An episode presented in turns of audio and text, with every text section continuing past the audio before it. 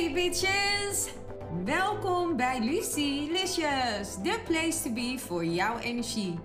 Mijn naam is Lucille en in deze podcast gaan we het hebben over jouw sterrenteken en welke energie je kan verwachten voor deze week. Are you ready? Let's go!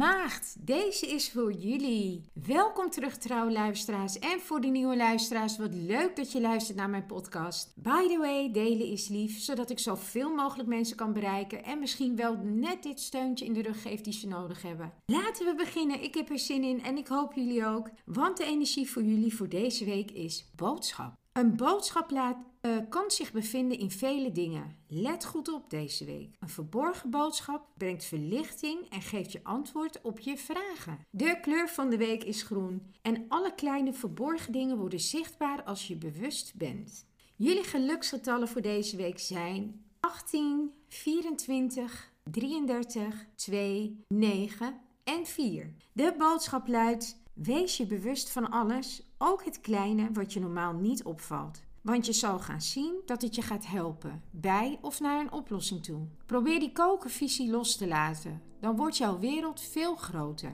Dan kom ik bij de tip van de week en deze luidt: je hoeft niet op alles te reageren. En sommige dingen mag je gewoon voor jezelf houden, want die hoef je niet te delen met anderen. It's a wrap! Het zit er alweer op, de aflevering van Lucilicious. Maar niet getreurd, volgende week ben ik er weer met een nieuwe aflevering. Bedankt voor het luisteren en jullie support. Tot volgende week. Tot Lucilicious!